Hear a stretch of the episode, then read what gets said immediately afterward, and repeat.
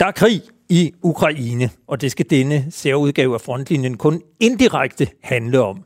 Mens at verdens øjne er rettet mod den overlevelseskamp, som den tidligere Sovjetrepublik i disse uger udkæmper mod den russiske overmagt, vil vi i dag forsøge at vende øjnene mod det danske forsvar og prøve at forstå, hvordan det står til. Ifølge NATO's gennemgang af det danske forsvar fra efteråret 2020, betyder den nuværende tilstand, at andre lande er nødt til at dække ind for os, simpelthen fordi, at vi ikke kan udfylde den tiltænkte rolle. Herrens brigade er praktisk talt ubrugelig, vores søværn kan stadig ikke mødegå ubåd, og noget så simpelt som kampafgørende ammunition har vi ikke nok af. Hvordan er vi kommet dertil? Det skal vi prøve at blive klogere på i dag. Du lytter til Frontlinjen på Radio 4. Mit navn er Peter Ernst Ved Rasmussen. Velkommen til. Vi har i dag inviteret os ind til den konservative forsvarsordfører Nils Flemming Hansen på Christiansborg. Og med os har vi også pensioneret brigadegeneral Michael H. Klemmensen, som forlod forsvaret i 2004 efter mange års tjeneste i Baltikum, og siden har været en yderst aktiv øh, deltager i debatten om det danske forsvar, og ikke mindst analyser af, hvordan det står til. Og lad os lige opsummere den geopolitiske situation. Rusland har invaderet Ukraine, og i øst er NATO ved at sende styrker til den østlige flanke. I syd har vi stadig en trussel fra illegal migration, og i det høje nord opruster Rusland også markant i disse år. Niels Flemming, jeg kunne godt tænke mig at indlede med dig og spørge dig, mener du, at det danske forsvar egner sig til at, imod, øh, til at modgå den eksisterende trussel, eller rettere de eksisterende trusler? Der er jo ingen tvivl om, at, øh, det danske forsvar er ualmindeligt presset på sine kapaciteter i øjeblikket, alene med Ukraine-situationen. Hvis vi så kigger lidt ind i og siger, hvis vi kigger, altså når der sker det, der sker i, i Ukraine, så øh, er det jo øh, det, der er i fokus, og så skal man passe meget på, at man ikke glemmer de andre indsatsområder, vi har. Michael Aage Klemmensen, jeg kan også spørge dig, har Danmark et forsvar, der egner sig til at modgå de eksisterende trusler? Nej, det, det, det har vi simpelthen ikke, fordi af mange gode grunde, af mange gode grunde så er det blevet nedbygget øh, i flere trin øh, øh, siden den kolde krig. Øh, og bevidst, fordi man, man havde den opfattelse, at øh, de fremtidige opgaver, det ville være at levere små øh, elementer, som vi Øh, altså i første omgang havde i Irak, Afghanistan eller i tidligere Jugoslavien, og derefter det andre steder. Altså nogen, som vi prøvede en, en bataljon lignende, øh, sent som vi fyldte op med værnepligtige, eller som vi værnepligtige meldte sig til at kunne deltage i som, som konstabler, og det kunne vi holde i gang med de styrker, som vi havde gennem øh, 90'erne. Så kom vi hjem fra Afghanistan, og derefter der er sket der yderligere reduktioner, så, så vi er i første fase at forsøge på at genopbygge. Og, og, og, og mindst man genopbygger og ikke har nogen Altså, et forsvar, det skulle gerne være således, at man kunne trække det ud som en harmonika afhængig af behovet, og disse, denne egenskab er gået tabt, eller den er fravalgt. Og, og, og derfor er det meget, meget vanskeligt at, at, at løse nogen som helst opgave, for alt bliver ad hoc, alt bliver improviseret.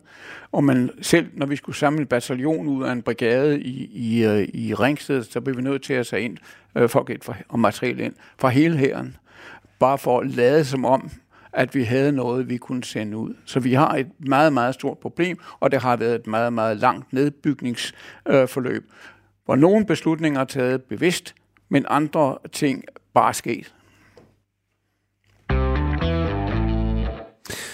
Jeg vil gerne indlede med at tale lidt om målsætningen med forsvaret. Det giver nemlig ikke sig selv, hvad forsvaret skal kunne. Og det er jo reelt set en politisk beslutning. Øh, så Michael H. Klemmensen, mener du, at vi i dag har en klar målsætning for, hvad forsvaret skal? Nej, og det kan vi ikke have. Øh, da jeg diskuterede det her øh, sidste gang, og det er mange, mange år siden, øh, sammen med Connie Hedegaard som forsvarsordfører i Forskommissionen 88, der havde vi øh, for det første klarhed over, hvad vi selv havde af harmonika. Altså vi kunne trække den her styrke på en 13.000 op til en styrke på 70.000 bare i hæren og så havde vi det tilsvarende større til hjemmeværn, og så havde vi de to andre Og værn. det kunne vi, fordi vi havde en reserve og Ja, noget vi havde reserve. Det havde vi en reserve, men grundlæggende, der vidste vi også, hvilken opgave vi havde. Vi vidste et geografisk område, vi havde formandostrukturer, vi vidste, hvad tyskerne gjorde, vi vidste, hvornår amerikanerne kom, og, hvor, og, og så vi vidste, vi havde en ramme for de opgaver, som vi løste. Det har vi overhovedet ikke nu. Så derfor er det en, en meget teoretisk diskussion. Når man ikke har noget område, man skal forsvare, og, og ikke kender sin, sin, øh, sin styrke størrelse, så er det meget vanskeligt at lave en arkitektur for, hvad man skal lave. Niels Flemming, hvad mener du, det danske forsvar skal kunne? Skal vi eksempelvis kunne forsvare os selv? Jamen, øh, naturligvis skal vi kunne forsvare os selv, indtil vores venner fra NATO øh, kommer. Jeg vil egentlig godt sige til, til, til det, øh, Michael H. Clemmensen siger her, øh, for, fordi øh, det er jo fuldstændig øh, rigtigt, hvad der bliver sagt. Vi øh, skal jo i gang med de indledende øh, øvelser til forsvarsforliget øh, her lige om lidt. Vi bad jo øh, selv fra vores side øh, ministeren om, at vi havde et fælles, øh, hvad skal man sige, tapet at kigge på for de forskellige partier, øh, som jo formentlig kommer til at indgå i et øh, forlig indtil videre, så er alle så inviteret med, øh, hvor vi får et billede af, hvad skal øh, forsvaret kunne i fremtiden? Øh, og, og, Og- og- hvilke trusler kigger vi ind i? Altså, hvem er fremtidens fjende, så Præcis. at sige? Der kommer den her simple rapport, som vi får øh, fremlagt, og Michael så kommer der... Jons, tidligere NATO-ambassadør, der er ud- udarbejde sådan en udenrigspolitisk øh, øh, lige præcis. rapport. Og det, øh, det kommer vi til at bruge de næste plus minus øh, halve år på at, at bare kigge ind i det, så vi har et fælles billede af, hvor vi er af. Men, men øh, mener du, at du siger, at vi skal kunne forsvare os til, til NATO kommer? Hvor længe er det? Jamen, er det ikke cirka en, en, en 72 timers tid? Okay. Øh, Og det øh, vil jeg godt have lov at sige, det vil vi have svært ved i dag. Jeg vil sige, at øh, der er efter den rapport er blevet skrevet, der er sket to fuldstændig afgørende ting. For det første er vi ved at lave en aftale med, med amerikanske styrker, der er total ændring af vores basepolitik. Og det andet, der er Tyskland totalt ændret politik inden for den sidste uge. Og det er det vores to nærmeste allierede, hvor alt kommer til at afgøre, hvornår kan amerikanerne, der ikke har så mange styrker tilbage til, øh, til Europa, hvornår kan de overhovedet være det, selvom de gerne ville komme, og hvad det betyder det, at, at Tyskland nu endelig begynder at genopbygge et, et forsvar. Tyskland var i under den kolde krig vores tætteste samarbejdspartner, og med det, at de går op mod 4 procent øh, øh, øh, fors- forsbudget, det kommer til at være blive afgørende som politisk, udenrigspolitisk ramme for, hvad vi gør. jeg kunne godt tænke mig lige, lige at kigge lidt tilbage og, til dig, Clemmensen, for når du ser tilbage på den gang, du var soldat, og, og, og vi havde det, et større dansk øh, forsvar. Hvad var målet for forsvaret i 80'erne og starten af 90'erne? Ja, altså i, i 80'erne, øh, hvor vi kulminerede på grund af at det, der skete, altså Forskommissionen af 88, der fik det endelig lavet balance i det, således vi var klar rigtigt til at forsvare os, da den kolde krig sluttede.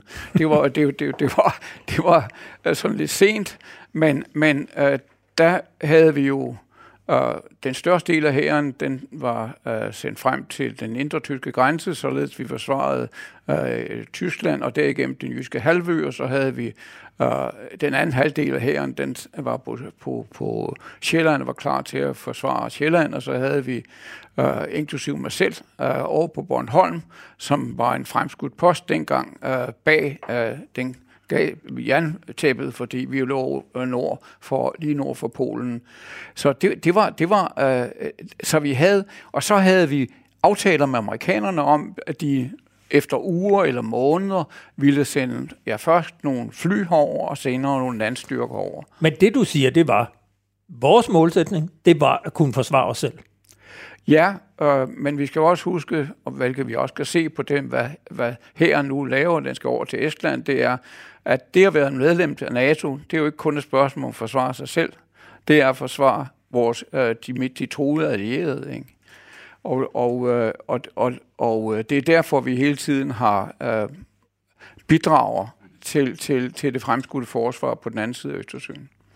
Hvad skal vi planlægge efter, hvis vi ikke har en klar målsætning?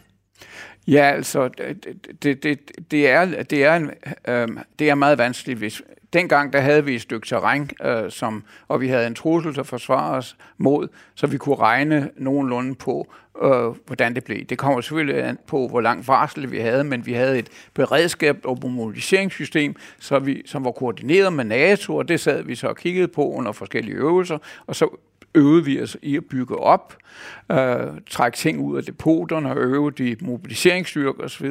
Så alle disse ting, det, det øvede vi, men vi havde en ramme, som vi kan øve os i. Nu er det selvfølgelig langt vanskeligere øh, end, end, øh, end, end dengang, fordi vi ikke har nogen klar geografisk ramme, og vi ikke har nogen anelse om, hvor store styrker vi stiller. Men mener du, at Danmark skal have et nationalt mål for, hvad forsvaret skal kunne? Altså eksempelvis skal vi beslutte os for, at forsvaret skal kunne forsvare hele det danske territorium med 48 timer, eller giver det mening at øh, definere fælles målsætninger i NATO-regi? Ja, det er, altså, vi bliver nødt til igen at lave et, et, et, øh, et det samarbejde, som vi lavede tidligere i den såkaldte enhedskommando for Danmark og øh, Nordtyskland, der blev vi have nødt til at have et kommandoapparat, således vi koordinerer, hvem hvad hvem gør. Ikke? Og det vil blive afgjort øh, i stor udstrækning øh, efter hvad tyskerne og polakkerne og balterne og så videre vi selv gør.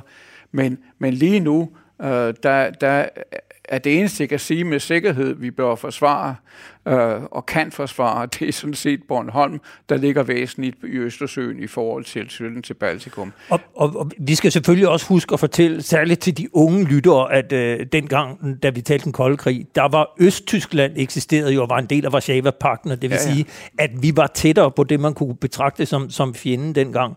Men jeg kunne godt lige tænke mig også at spørge dig, Clemmensen, i, i det eksisterende forsvarsforlig, der er det en selvstændig målsætning, at vi både skal kunne forsvare vores nationale grænser, samtidig med, at vi skal kunne operere i missioner i fjerne egne langt fra Danmark. Mener du, at det er realistisk? Ja, det er det altså. Det har finderne kunnet, selvom de koncentrerer sig klart om at forsvare det selv. Men på grund af, hvis man har en harmonikastruktur, ikke, der kan blive meget, meget stort, Altså, øh, øh finderne kan øh, efter sigende mobilisere op til 600.000 eller 700.000 mennesker, der har fået værnepligt. Ikke? Men de har en fredstidsstruktur, der uddanner, og derfor har finderne jo også bidraget til, fra den struktur har de bidraget til FN-missioner og andre missioner. Øh, så de har, har brugt det, som de havde i fredstiden, ligesom vi gjorde dengang under den kolde krig. Der sendte vi bataljoner ned til Gaza og så videre, eller kompanier ned til Gaza sammen. Så vi havde også bidrag ud af landet dengang. Men der brugte vi den struktur, den uddannelsesstruktur, som øh, var hjemme, til at skabe, til at improvisere de ting, vi tog ud. Nu havde man senere efter den kolde krig, de sidste år, der har man koncentreret sig om alene at tage sig af de, af de, af de, de fjerne operationer. Men igen, der skal improviseres hver gang, fordi vi er så langt nede, og vi har fuld beskæftigelse. Det er meget, meget vanskeligt at følge, følge forsvaret op med, med, med, med øh, øh, at fastholde soldaterne i forsvaret øh, øh, på nuværende tidspunkt. Niels Flemming, hvordan ser målsætningen ud i det næste forlig? Skal vi kunne begge dele, eller vi kommer vi til at fokusere 100% på det ene eller det andet? Altså, jeg, øh, nu er der jo øh, sket meget øh, de sidste par dage, uden at vi skal nævne øh, krigen i Ukraine, men der er jo ingen tvivl om, at selvfølgelig skal vi kunne opfylde vores øh, NATO-bidrag, altså at kunne stille med soldater til missioner rundt i verden. Øh, der er heller ingen tvivl om, at vi skal være i stand til at forsvare os selv, sammen med, med Nordtyskland givetvis. Øh, der er Baltic Gates, altså de, de otte baltiske lande, skal vi, øh, skal vi kigge på og indgå i tættere samarbejde. Hvor har vi øh, svenskerne? Øh, og det er rigtigt, finderne har jo nogle, nogle enorme kapaciteter, fordi at, at, at der er vel ikke en ung mand med respekt for sig selv, der ikke har været værnepligtig i Sverige eller i Finland, og derfor så, så, øh, så er der jo en, en meget, meget stor del af befolkningen, som, som har en, en, en positiv holdning til, til forsvaret deroppe. Så, så alt i alt så øh, kigger vi da ind i, at vi kommer til, og, og, og det er i hvert fald mit bud, vi kommer til at lave et langt forlig, Øh, og det gør vi jo dels, fordi vi skal kunne finansiere det, altså få pengene derop, hvor de skal være. Øh, samtidig så... Og der øh, taler vi 8, 10, 12 år. Ja, altså i mit, i mit verdensbillede sidder jeg og kigger ind i 10 år. Men, men om det bliver 10 eller 12 eller 8, Det er, det er lige så meget et spørgsmål om, at, at, øh, at vi skal kunne sætte øh, penge af, puljer af, til at kunne lave øh, de indkøb, der nu skal laves, øh, og, og samtidig være i stand til at kunne følge med i, at, at det, vi beslutter til at købe, det ikke skal nå at blive øh, gammelt, så at sige. Altså, for der sker jo en rivende udvikling på det her område, og det er klart, når, når tyskerne går ud og først smider øh, 20 milliarder øh, euro i at få komme op på deres øh, 2%, og dernæst øh, smider 80 milliarder oveni, så de faktisk går op i, så vidt jeg husker, halvanden gang Ruslands øh, forsvarsbudget, så, øh, så vil der jo også ske en udvikling øh, i markederne øh, blandt våbenproducenter, som, øh, som vi jo også skal være i stand til at kigge ind i. Så det bliver en meget, meget lang og interessant øh, kamp for at få et godt forsvarsforlig på plads. Det, et eller andet sted er det meget interessant, at vi ikke kan sætte en målsætning op for, hvad det danske forsvar skal kunne. Hvad skal der til for at kunne gøre det? Jamen, øh, dels så skal der jo øh, en dialog imellem forsvaret og politikerne øh, til, og der er det jo forsvaret, der må spille ind med, øh, hvad de ser, og, og så kan vi sidde som, som lægemænd, kan man sige, på siden og sige, men hvad, hvad er det, vi ser? Hvor er det, vi skal hen af? Og så tror jeg, at øh, jeg tror, der er en vigtighed i det, som, øh, som en klog mand, som sidder omkring det her bord på et tidspunkt har sagt, i hvert fald til mig, skal man til at have sådan en lidt mere offentlig debat omkring, hvad skal øh, det danske forsvar kunne? Øh, det har jeg ikke selv taget stilling til endnu, men der er jo ingen tvivl om, at alt, hvad der bliver sagt, gjort og skrevet omkring det danske forsvar i øjeblikket, er jo med til at puste til, at vi får en debat omkring det. Den synes jeg er meget interessant, og, og glæder mig til at både deltage i, men også at følge fremadrettet. Siden murens fald i 1989 og Sovjetunionens opløsning i 1991, har man politisk set høstet det, som er blevet kaldt fredsdividenden. Man troede, at omvæltningerne betød, at der ikke længere var en territorial trussel mod Danmark, og i de efterfølgende 20-30 år har forsvaret gennemlevet massive besparelser i et omfang, som reducerede antallet af ikke bare tjenestesteder, men også kapaciteter gevaldigt. Michael, Clemmensen, hvis du ser på det forsvar, vi har i dag, og sammenligner det med forsvar omkring 1990, hvad mangler vi så for at kunne indgå i en kamp mod en ligeværdig modstander? Altså, det her, det er som at tage ind på et sygehus, der ikke har været aktivt i 20 år. Altså, vi er en praktisk profession. Vi er ikke en teoretisk profession, og det vil sige, at man lærer som officer af det, man gør. Ikke? Og når der ikke er nok praktikpladser ved enhederne til unge officerer, så lærer de ikke deres ting, og det kan ikke kompenseres ved den uddannelse, som de har fået. Og det vil sige, at der, der, der, det er et meget, meget stort problem at få øh, genetableret et, et forsvar. Fordi pludselig skal man... Der ikke findes ikke nogen højstående officerer, der nogensinde har lavet en forsvarsplan.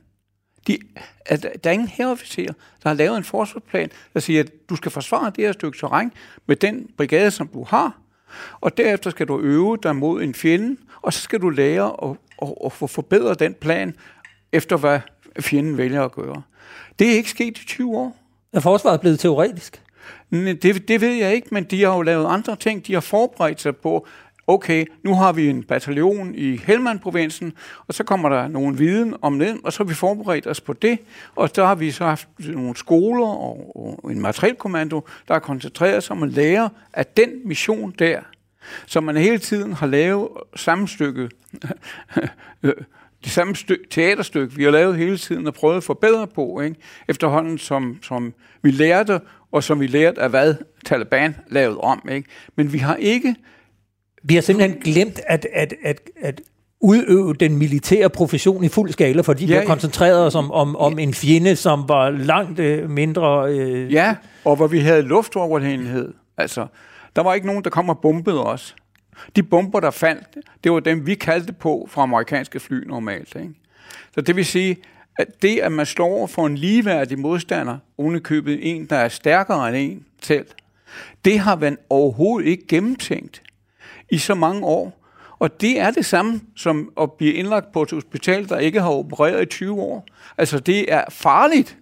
Og derfor øh, er det det her, det er noget, som man dog forholdsvis hurtigt kan stille op med hjælp for eksempel, jeg vil straks hyre et par finske pensionister til at, svensktalende finske pensionister til at lave nogle øvelser, øh, øh, gerne sammen med en fra US Marine Corps, og så, som simpelthen bankede de her ting ind hurtigt igen. Der er ikke nogen danske bataljonschefer de sidste 20 år, der samtidig har været i en situation, hvor man lagde ham, ikke? Brigadechefer, hvor der er en division, der jager ham og sørger for, at han bliver bombarderet hele tiden.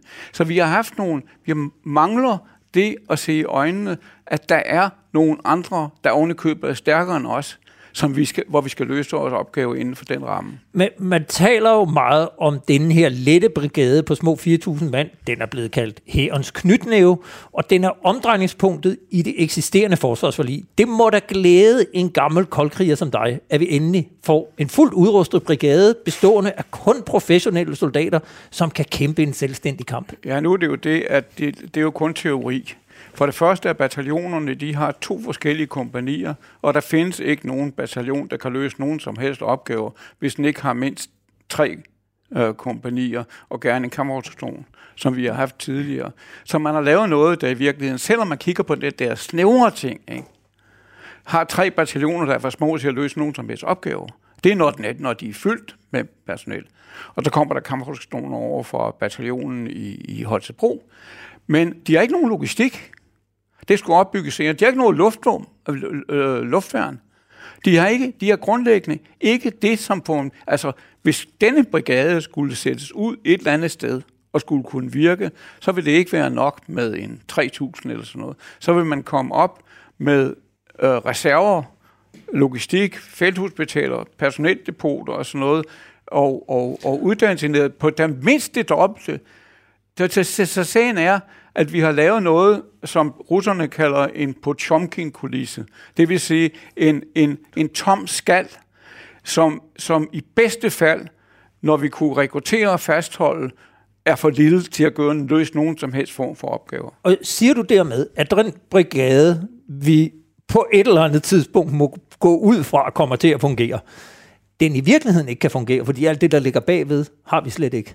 Det har vi ikke, og det er, står ikke engang i planen for at lave det. Altså, øh, og hvad er det, vi mangler der? Ja, der mangler vi altså. Lad os nu tænke os, at vi sagde, at vi skulle have denne brigade over, den skulle kunne stå et eller andet sted i Baltikum og, lø og forsvare 15-20 km et eller andet sted i Baltikum. På ubestemt tid? Uh, I hvert fald i no, no, no, nogle uger eller et måned. Ikke? Ja. Så skulle der jo uh, dels, uh, når den kom op, skulle den være fyldt ud og så skulle der bag ved den være felthospitaler, øh, øh, uddannelsesenheder, der, fordi det er jo ikke, en, en brigade er jo ikke et, en by, man bygger, og som er fuld af bemandet. Det er en, en proces, det er en mobil cirkus, der kører rundt med nye, med nye folk, der hele tiden kommer ind. Og det vil sige, at bag ved den, der skal du først lige bag ved den, der skal der så være noget logistik, nogle, nogle sanitetstjenester og vedligeholdskompanier. Har der vi slet kan holde, ikke det nu?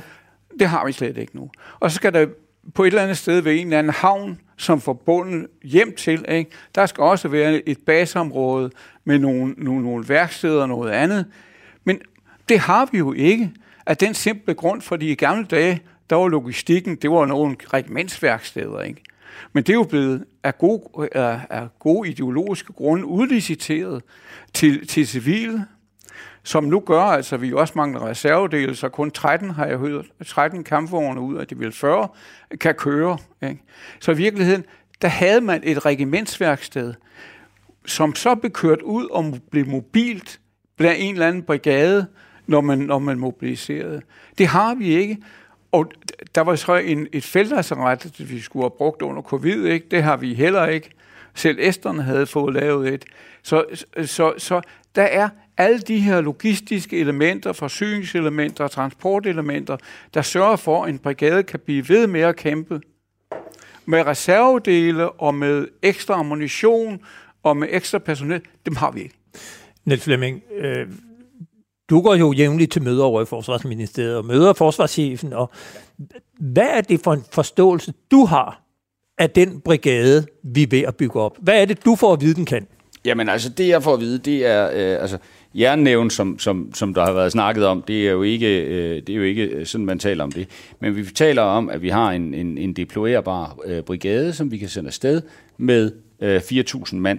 Øhm, og øh, så havde vi et øh, felthospital, øh, som godt nok lå under beredskabet, men det havde vi, det har vi så lige sendt afsted her i går eller i forgårs. Men, men, men, men, men, men bare, bare så forstår det, for, hvad, hvad er det, I for at vide? For jeg ved, at den, hvor klar er den, og hvor længe skal den kunne være udsendt? Og, altså, det lyder som om, når man hører Michael Clemmensen, mm.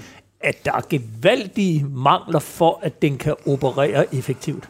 Jeg tror, som, som, som Michael sagde, der har været mange øh, gode og øh, ideologiske grunde til at øh, skære sådan en til i forhold til, øh, hvordan det så ud øh, tidligere. Det som, øh, som her, når den militærfaglige rådgivning, som man har fået på det tidspunkt, da vi lavede det forsvarsforlig, det er jo før min øh, tid. Øh, det blev indgået i januar 2018. Ja, så, øh, så fik man jo at vide, at det var det her, som der var behov for i forhold til det billede, man kiggede ind i på det tidspunkt. På det tidspunkt, så medgiver jeg, at øh, der havde man nok heller ikke set, at, at øh, Putin ville angribe Ukraine, og hele den her øh, brigadetanke, jo, som øh, man retligt må sige, der jo også bliver skruet op for nu, øh, den, den havde man ikke på det tidspunkt, og derfor så, så kan man sige, jamen vi skulle kunne sende en brigade afsted sammen med vores NATO-lande. Altså vi kom med brigaden, øh, så var der nogen, der kom med, med, med det, der skulle ligge bagved, så at sige. Ikke? Øh, og det var det billede, der var. Billedet er ved at vende. Øh, der er sket mange ting, og det øh, kommer vi jo så til at diskutere i det nye forlig. Øh, jeg kunne godt lige tænke mig at, at, at komme ind på en anden lille del omkring det her med de militære kapaciteter. For, for som et led besparelserne, der valgte man fra politisk hold overordnet at tømme alle ammunitionslager og depoter. Og i 2008, der solgte man det, der hedder ammunitionsarsenalet i Frederikshavn, mm. som ellers havde produceret ammunition til det danske forsvar siden 1976. Klemme, hvad betyder det for det danske forsvar i dag, at vi ikke kan producere vores egen ammunition? Ja, så jeg snakkede med en, en, en, en ven af mig, uh, uh, Lars, Lars Struve, der er, er uh, formand for landsammenslutningen, og han var oprørt, for han har lige mødt en værnepligtig, der under hele værnepligten på de her 3-4 måneder, øh, havde fået syv skud øh, til sin skydeuddannelse. Og, og må jeg helt så sige, det er sjovt. For at sige det pænt og diplomatisk, uh, der, er det, der er det simpelthen redselsfuldt. Og, og uh, der, der, der må altså... Øh, og det, det kunne vi jo let gøre, men altså, vi bliver nødt til... Øh, vi kan ikke stille et... Vi kan ikke få nye kaserner. Vi bliver nødt til at bruge de kaserner, vi har. Vi bliver nødt til at bruge de faciliteter, vi har, men måske bruge dem betydeligt mere intensivt, end vi har. Vi kan ikke få et nyt ammunitionsarsenal, men så for guds skyld få lavet en aftale med svenskerne, således at de sørger for, at vi får ammunitionslagerne op. For vi har jo et øde, stadig øgende samarbejde med de nordiske lande. Og de har jo en våbenproduktion, og de har en, en, øh, en ammunitionsproduktion, og de bruger samme kaliber som os. Så det er simpelthen et spørgsmål om at få et tæt samarbejde, så vi ikke bliver nødt til at genopfinde, øh, øh, genopfinde den dybe tallerken, fordi det er simpelthen for dyrt. Vi bliver nødt til at bruge de faciliteter, som vi har, men bruge dem maksimalt. Ja, og der, i den forbindelse vil jeg sige, at vi har jo masser af danske øh, producenter af, øh, af, ammunition, øh, og de er klar til at producere for os. Jeg har lige været en tur i, i Nordjylland øh, og, og, og kigge på det her. Så der er masser af muligheder, og, og, og det er jo, hvis det skal gøres, og det ser det ud til, det skal, inden at, øh, inden at vi får lavet det her forlig, så vil det jo være et spørgsmål om, der bliver sendt et aktstykke over, og vi får, øh, og vi får fyldt de her lager op. Det danske forsvar har løbende øh, i de seneste år gennemgået en omfattende omkalfatning, som betyder, at det i dag er et helt andet forsvar, både størrelsesmæssigt og mandskabsmæssigt, end for bare 10-15 år siden. På mange måder har forsvaret gennemgået en afmilitarisering, hvor forsvarschefen har fået reduceret sit ansvar til i dag alene at være chef for de operative styrker. De militære funktionelle tjenester er i dag ændret til civile styrelser underlagt den civile departementchef i Forsvarsministeriet, og mens forsvarschefen de facto er reduceret til en styrelseschef, må man i dag betragte departementchefen som en forsvarschef. De militære officersuddannelser er tilrettet det civile uddannelsessystem, så man i dag skal have en civil bachelorgrad for at kunne blive optaget på en af forsvarets officerskoler, og man får i dag heller ikke løn under sin uddannelse, men er på SU. Michael Klemmensen, hvad har civiliseringen betydet for det danske forsvar? at udfordringerne er blevet betydeligt større, når vi skal genopbygge forsvaret, end de ellers ville have været. I gamle dage, der var det således, at man kunne ikke komme på officerskolen, i hvert fald ikke herrens officerskole, hvis man ikke havde bevist, at man var en god befalingsmand. Det vil sige, at man havde vist lederegenskaber. Det var en ting, som den gamle venstre statsminister og forsvarsminister I.C. Christensen fik indført i 1908, og simpelthen sikrede, at hvis man var god befalingsmand, så skulle man nok få den nødvendige studentereksamen på forsvarets regning, således man havde en mand, der, satte, der kommanderede landets borgere. Det var en mand, som havde vist, at han kunne det. Det blev afskaffet her i de sidste 10 år. Og det er jeg ikke specielt imponeret af. Hvad er konsekvensen af den omlægning? Jamen altså, det er ikke det, det, det afgørende i virkeligheden er ikke, hvordan man kommer ind på officerskolen. Det må jeg samtidig sige. Det, det drejer sig om, det er, når du kommer ud som officer, efter, jeg kom ud efter to og et halvt år eller tre år, og så kom jeg så, kom jeg så til regimentet. Der lærte man det på praktikniveau. 10 år som ung officer, først som delingsfører og næstkommanderende, og derefter som underbygningschef, og så i en bataljon. Der lærte man, der dummede man sig så meget, som man lærte det hard way. Hvis der ikke er praktikpladser, altså min, min, min nevø, øh, jeg var til hans udnævnelsesparade, ja, der var 128 unge, håbefulde, veluddannede officerer, der kom ud, og der var altså kun under 20 så vidt jeg husker, omkring under 20 pladser, hvor de kunne lære deres praktik. Folk, der ikke har praktikpladser, det er uanset hvilken profession, måske også skohandlers profession. Og journalister. Så, og journalister. Hvis man ikke har praktik, så lærer man det ikke, eller man lærer noget forkert, og man sidder inde og passer på kontoret og computeren og tror, det er virkeligheden. Niels, Flemming, vi har jo hørt, at det er fantastisk med de nye officersuddannelser. Har Klemme ret? Altså, jeg er nødt til at, at, at, at udtrykke øh, min glæde over den øh, meget præcise øh, analyse, som, som, som Michael Klemmensen kommer med her. Fordi øh, det er jo fuldstændig rigtigt. Hvis ikke man kan øve det, man har lært, det svarer til at give en mand kørekort, og så øh, kommer han aldrig til at køre bil, så lærer man ikke at køre bil. Øh, jeg kunne godt tænke mig at spørge dig, nu mm. talte vi lidt om den her afprofessionalisering. Mm. Øh, har du fra nogle chefer i forsvaret på noget tidspunkt hørt den eneste kritisk røst om de omlægninger, der politisk er foretaget gennem de seneste mange år? Ja, det har jeg. Og dem har jeg hørt mange af. Det, som øh, i min tid har været problemet, for at være helt ærlig, det er, at vi har haft to forskellige ministre. Vi har haft en, hvor alle var bange for at sige noget som helst, for de var bange for at blive kørt over. Øh, så, så, så der, hvor vi hørte tingene fra, eller hvor jeg hørte tingene fra, når jeg var ude, eller som har ringet til mig, det er folk øh, i, i Clemensens aldersgruppe, eller folk, som stadig er ansat i, i forsvaret, men som er så tæt på pensionen, at de ikke har været bange for at sige deres mening. Nu er der kommet et markant skifte og på nu den post. Nu, nu, nu vil jeg sige, du, altså, det du hentyder til, det er, at vi har haft Trinke Bramsen, som gav forsvarschefen noget af en mundkur på, der øh, forplantede sig ned igennem, igennem hele, hele systemet. systemet. Jeg øh, er ikke i stand til på nuværende tidspunkt øh, at vurdere, om, om, om, om, om forsvarschefen er en god eller en dårlig forsvarschef, fordi vi har ikke set ham regere. Det ser vi nu. Øh, vi ser også en øh, minister, som er noget mere åben øh, på området og, og, og noget mere vidensdelende med os andre. Og det er Morten der tiltrådte her i, Præcis. i slutningen af jeg, øh, midt februar. Jeg vil sige bare i forhold til, til den tid, jeg har været forsvarsordfører, øh, Øh, er der sket et meget markant skift de sidste øh, tre uger. Øh, ikke at jeg er eller nogensinde bliver socialdemokrat, men roses den og æres den, som æres bør. Øh, det er jo, gammel, det er jo, det er jo en gammel sag. I løbet af de sidste 20 år, øh, der har man haft en såkaldt virksomhedsmodel. Og der kan man som ansat ikke øh, sige noget, som øh, toppen ikke er enige om, fordi man kan jo blive straffet, ikke være straffet, men man kan jo blive forflyttet. Og hvis man øh, bliver forflyttet nu, så får man ødelagt sin familie. Det er klart, når jeg har kontakt med de tjenskørende, så siger jeg, du må gerne sige det, for du, du skal sige det, for jeg tør ikke sige det.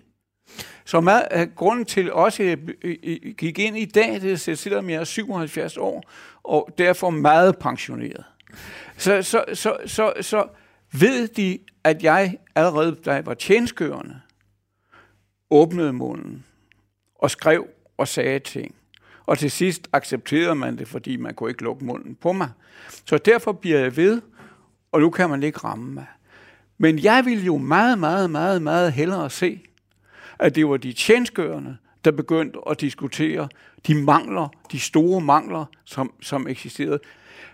Det ville være godt, hvis vi igen fik en, en offentlig debat, hvor officerer, der trods alt er de eneste, det er ikke de civile hoveder, akademikere, der ved noget om krig. Det skulle gerne være officererne.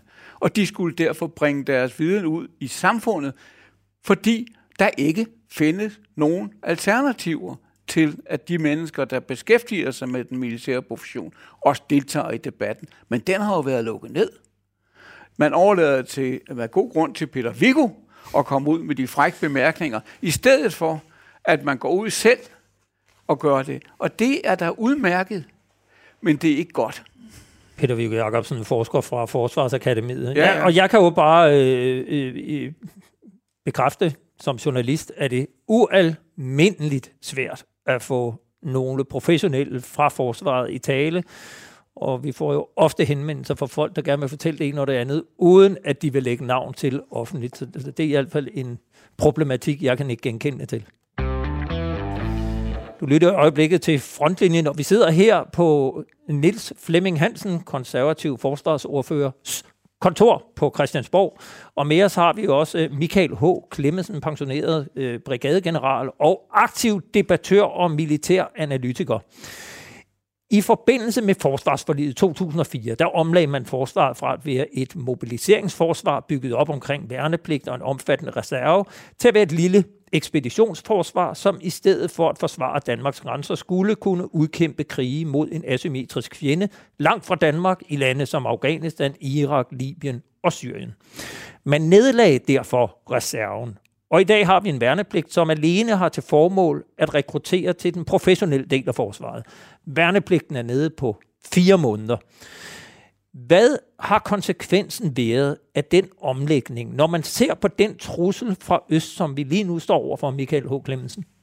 Ja, vi kan gøre en pind. Altså, vi kan jo ikke bidrage med noget som helst, som jeg sagde allerede før vi åbnede øh, mikrofonerne. Der er den samlede danske her, hvis man skruer alt materiel og personel sammen, de er i stand til at forsvare Antforskov Kaserne. Og det er jo ikke en defineret opgave for forsvaret. Man bliver nødt til at lave et system, hvor man bevidst laver ikke alene reserver materiel, altså fylder lager op med ammunition og ekstra uniformer og sådan noget, men også har reserve af personel. Og det kan man gøre på forskellige måder. Øh, for det første, der kan man gøre det, som, som man jo gør til en vis grad nu, bruger værnepligt. Men der er jo to veje for det første. For det første, der skal man selvfølgelig sørge for, at en hvilken som helst konstabel, der går ud nu, eller sergeant, der går ud et civilt liv, han skal, hvis han er gode papirer, der skal han have en kontrakt med rådet, således at han gør tjeneste, ligesom reservevisir gjorde tidligere, så noget med fire uger om året, hvor de er inde. Og de skal ikke have stor penge for bare at være til rådighed, fordi det ved vi fra uh, den såkaldte internationale brigade, at det gør, at de ikke kommer ind. De skal, de skal, de skal få penge, når de gør tjeneste, først og fremmest. Og der skal man sørge for, at hver gang en god mand går ud, så siger du, du kan jo godt lide at være ved den enhed. Du skal have en rådighedskontrakt, således at du kan komme ind igen og fylde det kompani ud, eller den eskadron ud, hvor, hvor du er således, at vi stadigvæk får noget ud af de penge, vi har investeret i din uddannelse. Og det skal man gøre bevidst, i størst mulig udstrækning. Og hvorfor, hvorfor er det så vigtigt? Fordi ellers har vi ikke nogen. Altså, hvis vi havde det og gjort det bevidst i længere tid, så kunne vi måske forsvare mere end Antforsvarkasernen. Ikke? Vi kunne måske forsvare Bornholm indtil de amerikanske venner, som vi gerne senere også vil gerne over, fordi de, de, de, de, de, de kan noget, som måske som vi ikke kunne. Men altså, sagen er, at vi bliver nødt til at få denne harmonika mulighed igen.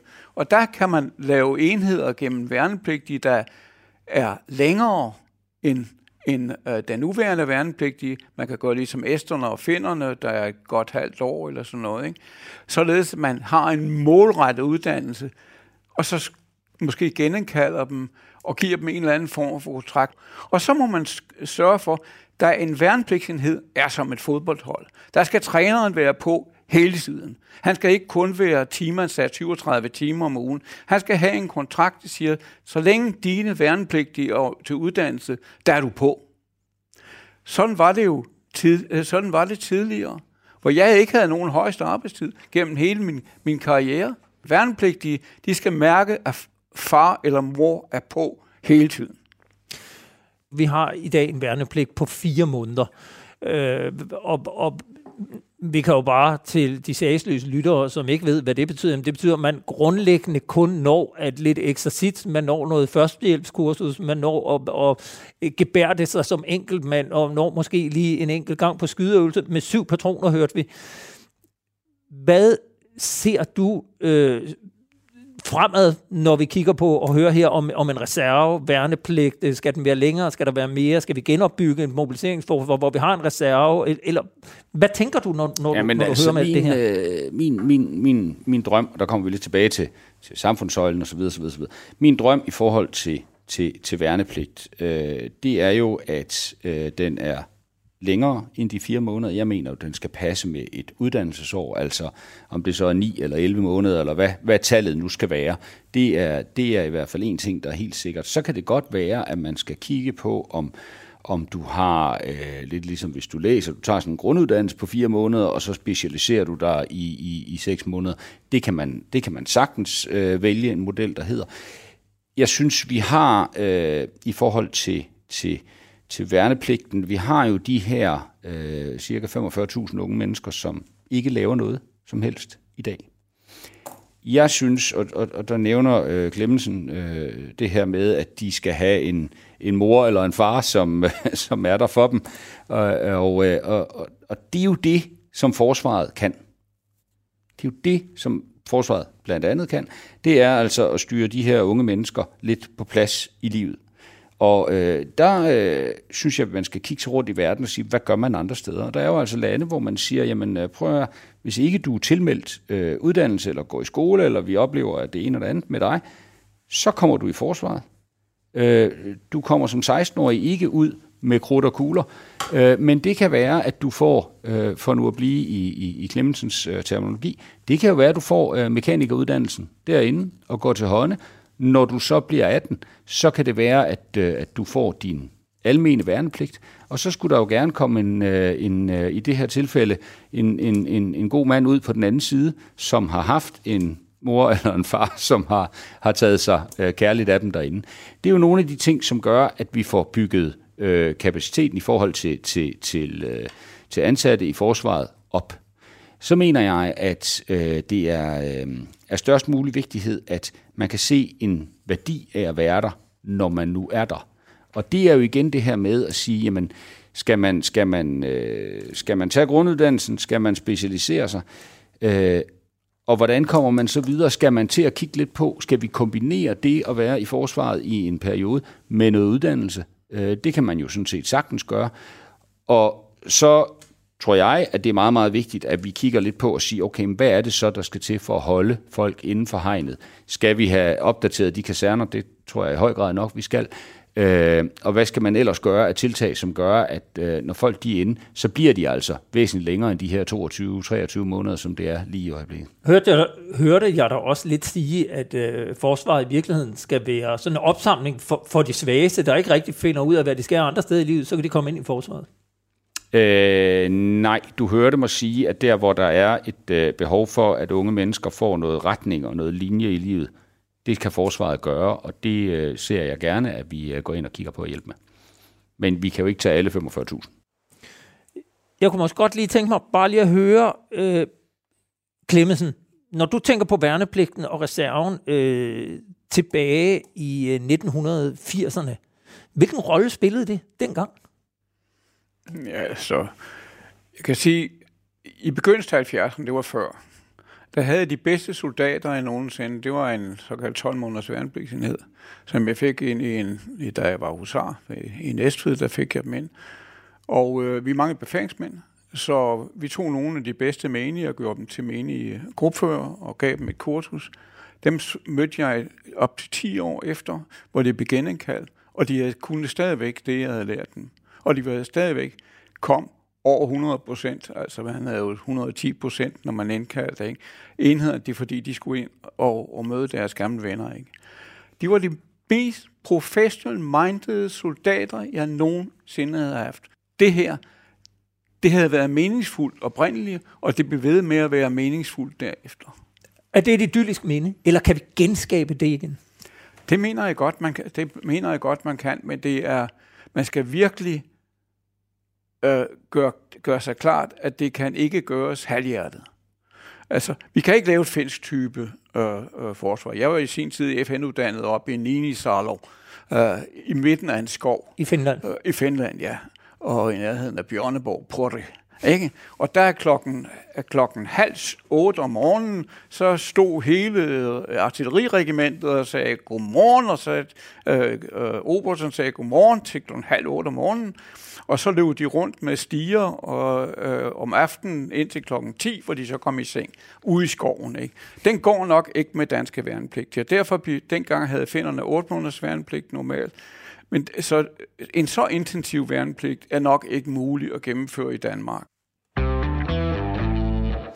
Ja, du lytter stadigvæk til frontlinjen. Jeg sidder her på Niels Flemming Hansens øh, forsvarsordfører for de konservative. Hans kontor på Christiansborg. Vi sidder også sammen med den pensionerede brigadegeneral Michael H. Klemmensen. Vi skal også lige tale om fremtiden. Hvad skal der til? Øh, I nævnte før øh, den tyske, nye tyske socialdemokratiske kansler Olaf Scholz, som holdt en tale i forbundsdagen i sidste uge. Wir werden von nun an Jahr für Jahr mehr als 2% des Bruttoinlandsprodukts in unsere Verteidigung investieren.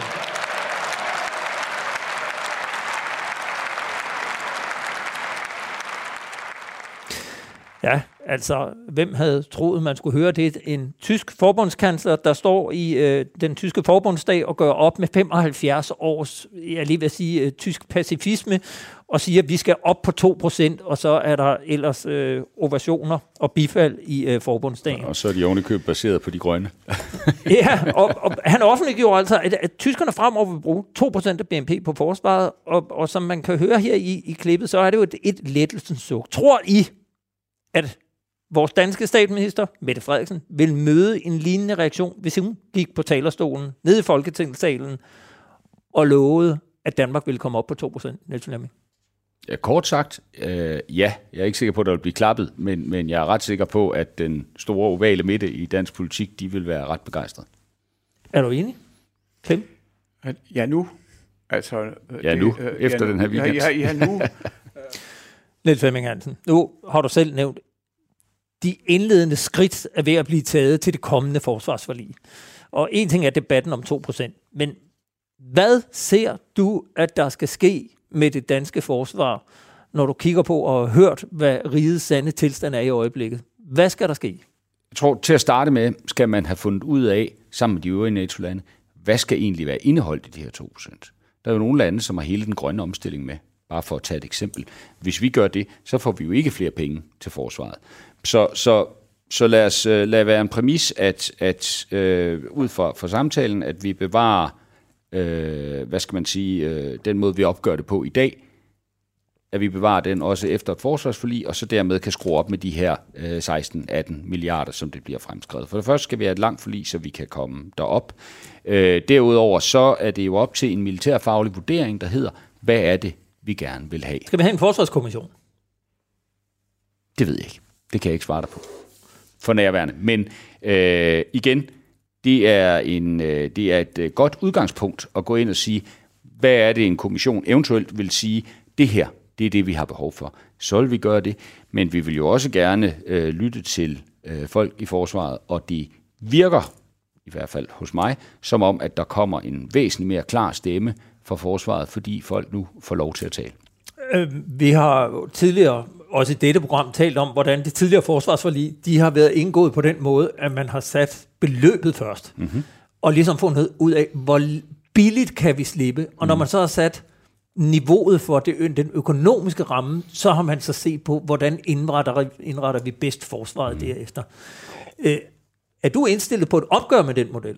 At ja. man simpelthen ja. ser på, hvad er truslen, og hvad har vi brug for, og derefter ser på, hvad skal det så koste? Jeg er i hvert fald indstillet på, at vi siger, okay, øh, hvornår skal vi ramme de her 2%? Lad os nu bare antage, at vi siger, at det skal vi i 2030. Så går vi andre jo hjem til vores partier og siger, øh, til vores, øh, til vores øh, finansfolk og finansordfører osv., og siger, hvordan øh, ser vi i vores økonomiske politik, at vi kan ramme øh, det her beløb?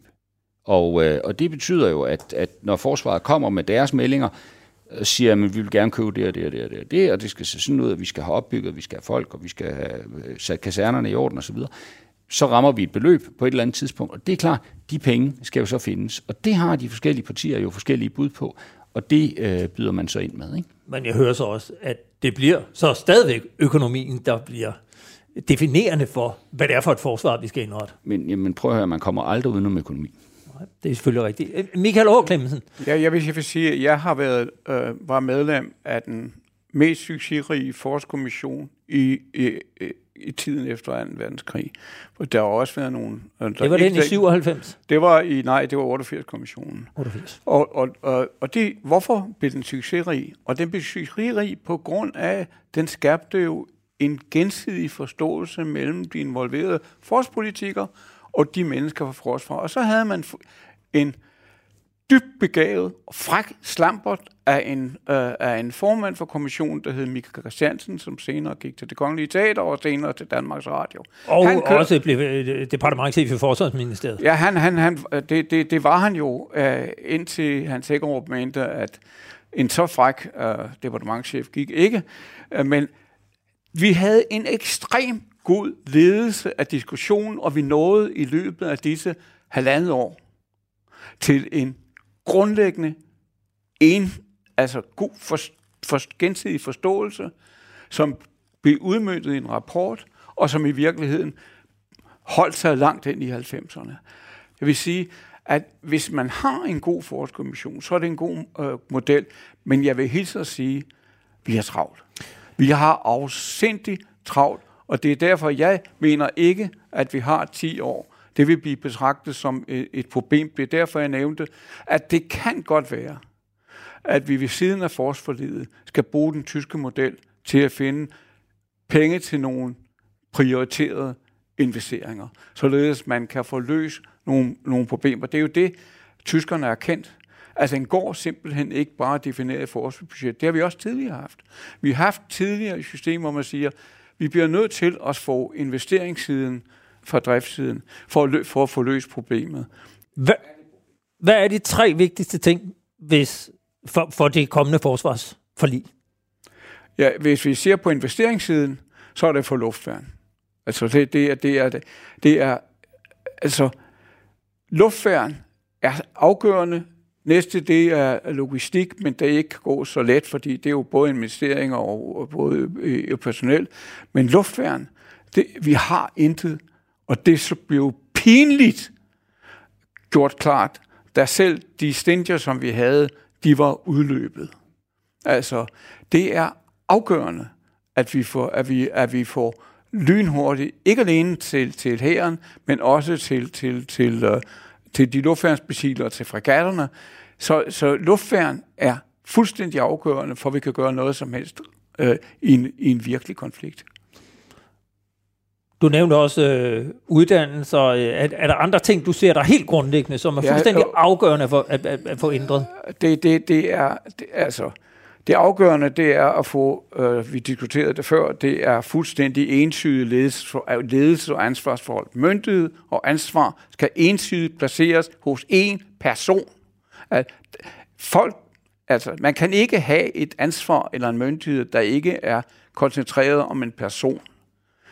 Det vil sige, at forsvarschefen, uanset øh, hvad man måtte mene om ham, jeg øh, har hørt, at han var fremragende, øh, da han var lærer hos Lars Møller på Forsvarsakademiet for mange år siden.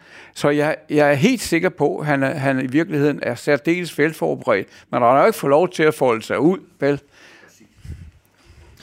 Jeg hører, at øh, der måske kommer en organisationsændring som forslag til det kommende forsvarsforlig, og der er i hvert fald kommet en masse idéer her til, hvad man kan kigge på, når man skal i gang med forhandlingerne om det næste forsvarsforlig. Jeg vil sige tusind tak, fordi vi måtte komme. Niels Flemming Hansen, konservativ ja, forsvarsordfører. Altid velkommen. Og tak til dig, Michael H. Clemmensen, fordi du gjorde os klogere, og at vi fik lov at trække på din dybe indsigt og mange års viden og erfaring om det danske forsvar. Tak fordi I vil være med. Tilbage er der bare at sige, at du har lyttet til Frontlinjen her på Radio 4. Husk, at du kan lytte til alle tidligere udgaver af programmet i din podcastplayer eller ved at besøge radio4.dk-frontlinjen. Har du ris eller ros eller idéer til emner, som vi bør tage op her i programmet, så kan du sende os en mail på frontlinjen radio4.dk. Tilbage er der bare at sige tak, fordi du lyttede med, og på glædelig genhør om en uge, samme tid, samme sted.